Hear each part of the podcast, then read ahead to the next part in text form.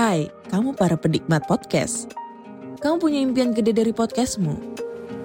Terus First Story bisa banget bantu kamu. Mulai dari F-Link, Dynamic Audio Insertion, sampai statistik yang komprehensif. Semua ada di First Story. Gak ketinggalan kamu bisa monetisasi podcastmu lewat iklan dari First Story Ads yang bisa kasih kamu penghasilan dari setiap place podcastmu. Yuk gabung sekarang dengan klik di firststory.me. Sekali lagi, klik di firststory.me. Mari kita bawa mimpi podcastingmu menjadi kenyataan.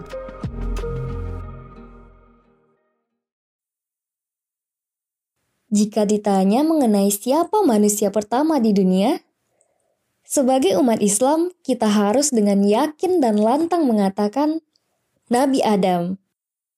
Nabi Adam adalah manusia pertama yang diciptakan Allah di surga dan diturunkan ke bumi bersama Hawa. Demikianlah penjelasan dari Al-Quran, si sumber kebenaran. Lantas, yang menjadi pertanyaan, untuk apa sih dulu Allah menciptakan Nabi Adam? Dan apa gunanya manusia diciptakan?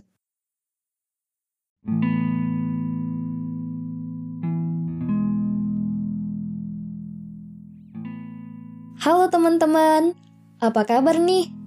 Semoga kita masih sehat-sehat saja agar bisa maksimal menjalankan peran sebagai hamba Allah ya. Pada episode 21 ini, aku akan membawakan awalan dari serial Kisah Nabi Adam. Tanpa berlama-lama lagi, yuk kita mulai pembahasannya. Dahulu sekali saat aku dan kamu belum diciptakan, Allah pernah berkata pada para malaikatnya, Aku hendak menjadikan khalifah di bumi. Mendengar pernyataan Allah itu, malaikat lantas mengatakan, "Mengapa engkau hendak menjadikan khalifah di bumi itu orang yang akan membuat kerusakan padanya dan menumpahkan darah, sedangkan kami bertasbih memujimu dan menyucikan namamu?" Allah kemudian menjawab, "Sungguh, aku mengetahui apa yang tidak kamu ketahui." Percakapan Allah dan malaikat ini tercatat di Quran Surat Al-Baqarah ayat ke-30. Dari ayat tersebut, kita mengetahui jika malaikat mempertanyakan keputusan Allah. Lantas kira-kira dari mana malaikat bisa tahu ya kalau makhluk penghuni bumi yang Allah ciptakan akan membuat kerusakan? Hal ini ternyata sudah dijawab oleh para ulama loh. Para ulama menafsirkan bahwa dahulu sebelum penciptaan manusia, Allah sudah menciptakan makhluk lain di, untuk penghuni bumi. Mereka adalah para jin. Namun, jin tersebut membuat banyak kerusakan di bumi. Hingga Allah memerintahkan malaikat untuk mengusir jin hingga ke pesisir. Sebagian ulama bahkan ada yang menafsirkan bahwa para malaikat telah mendapat ilham mengenai apa yang terjadi di masa depan. Wallahu a'lam. Beberapa kemungkinan itulah yang membuat malaikat akhirnya berani mempertanyakan keputusan Tuhannya. Teman-teman, jika kita perhatikan lagi, di Quran Surah Al-Baqarah ayat ke-30 tersebut, Allah menyebutkan jika akan menciptakan seorang khalifah. Allah tidak mengatakan akan menciptakan manusia. Yang jadi pertanyaan berikutnya, khalifah itu apa sih? Khalifah bisa diartikan sebagai wakil Allah di bumi, juga pemimpin dan pemelihara bumi. Oleh sebab itu, seorang khalifah dapat dinilai telah menjalankan tugasnya dengan baik jika selama di bumi masih memiliki hubungan yang baik dengan Allah. Ya iyalah masih memiliki hubungan yang baik dengan Allah. Kan wakil Allah. Selain memiliki hubungan yang baik dengan Allah, juga tentunya memiliki hubungan yang baik dengan alam. Dan penghuni lainnya guna menghadirkan kehidupan yang aman. Dan sebagai penegas lagi, tugas khalifah juga sudah disebutkan oleh Allah di Quran Surat Az-Zariyat ayat 54. Begini bunyinya, dan tidaklah aku menciptakan jin dan manusia, kecuali hanya untuk beribadah kepadaku. Nah, dengan penegasan tersebut, telah kita ketahui bahwa sejatinya tugas utama manusia sebagai khalifah di bumi adalah untuk beribadah. Ibadah sendiri maksudnya apa sih? Untuk lebih jelas mengenai makna ibadah, yuk kita simak penjelasan Quran Surat Al-An'am ayat 162.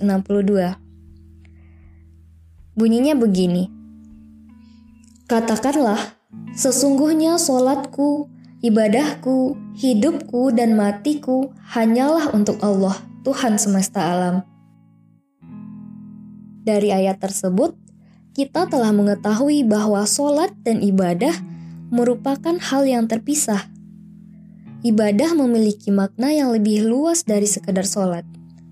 Bahkan nih ya, kerja, mandi, hingga tidur kita bisa bernilai ibadah jika dipergunakan dan dimanfaatkan dengan benar. Maka dari itu, tidak sepatutnya seorang muslim menyanyiakan waktunya. Karena sedetik saja dalam hidup ini kalau digunakan dengan tepat dan benar, akan menjadi modal utama untuk keselamatan di akhirat kelak. Teman-teman, perintah Allah untuk taat dan menyembah Allah adalah sebagai bentuk kasih sayang Allah agar manusia tidak merugi. Sebagai manusia, kita akan selalu memiliki kecenderungan untuk menginginkan dan menuju pada suatu hal dan ketika manusia terlalu mengejar pada hal selain Allah sebagai patokan utama, keimanan dan keyakinan pada Allah akan terkikis sedikit demi sedikit hingga bisa memudar, bahkan hilang. Untuk itu, penting bagi kita agar bisa memahami dan mengingat apa peran dan tujuan kita di dunia ini. Manusia yang tidak tahu tujuan diciptakannya, maka hidupnya akan terombang-ambing dan tidak jelas arah ke mana dia akan berjalan. Oh iya, aku pernah mendengar seorang ustadz menyampaikan hal yang sangat bagus. Begini bunyinya. Jangan menjadikan tools sebagai cita-cita utama. Tools ini adalah hal-hal seperti menjadi dokter, polisi, guru, dan lain-lain. Kenapa jangan menjadikan tools sebagai cita-cita utama? Karena kita akan lebih mudah down dan depresi jika gagal mencapainya. Seharusnya, tools tersebut hanyalah alat untuk mencapai tujuan dan cita-cita utama sebagai seorang manusia, yaitu menjadi khalifah terbaik di mata Allah. Ada banyak cara untuk menjadi khalifah di bumi ini banyak tools yang bisa mengantarkan kita untuk bisa menjadi khalifah yang sukses di mata Allah. Entah itu dosen, dokter, maupun pengusaha. Sehingga walaupun kita gagal pada satu tools, masih ada ribuan tools lainnya yang bisa kita gunakan untuk menjadi khalifah di bumi ini. Untuk itu, seharusnya seorang muslim yang baik adalah yang memanfaatkan waktunya sebaik-baiknya dan menjalankan apa yang dilakukannya sekarang juga dengan sebaik-baiknya guna menjadi orang yang bermanfaat bagi sekitar. Dan selama kita berada di dunia ini, Allah tak membiarkan kita begitu saja untuk berjuang sendirian. Allah memfasilitasi kita dengan banyak hal. Allah memberikan panduan hidup melalui Al-Quran pun Allah memberikan kita seorang rasul untuk memberi contoh menjalani kerasnya hidup di dunia, yaitu Rasulullah Shallallahu Alaihi Wasallam. Makanya, kita juga harus mempelajari bagaimana perjuangan dan kehidupan Rasul kita ya. Selain Al-Quran dan Rasul, Allah juga memberikan tumbuhan, udara, air, juga tanah untuk dimanfaatkan sebaik-baiknya. Demikianlah kisah awal mula tujuan penciptaan Nabi Adam.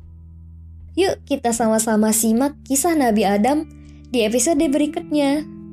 Sekian perjumpaan kita pada episode 21 ini. Wassalamualaikum warahmatullahi wabarakatuh.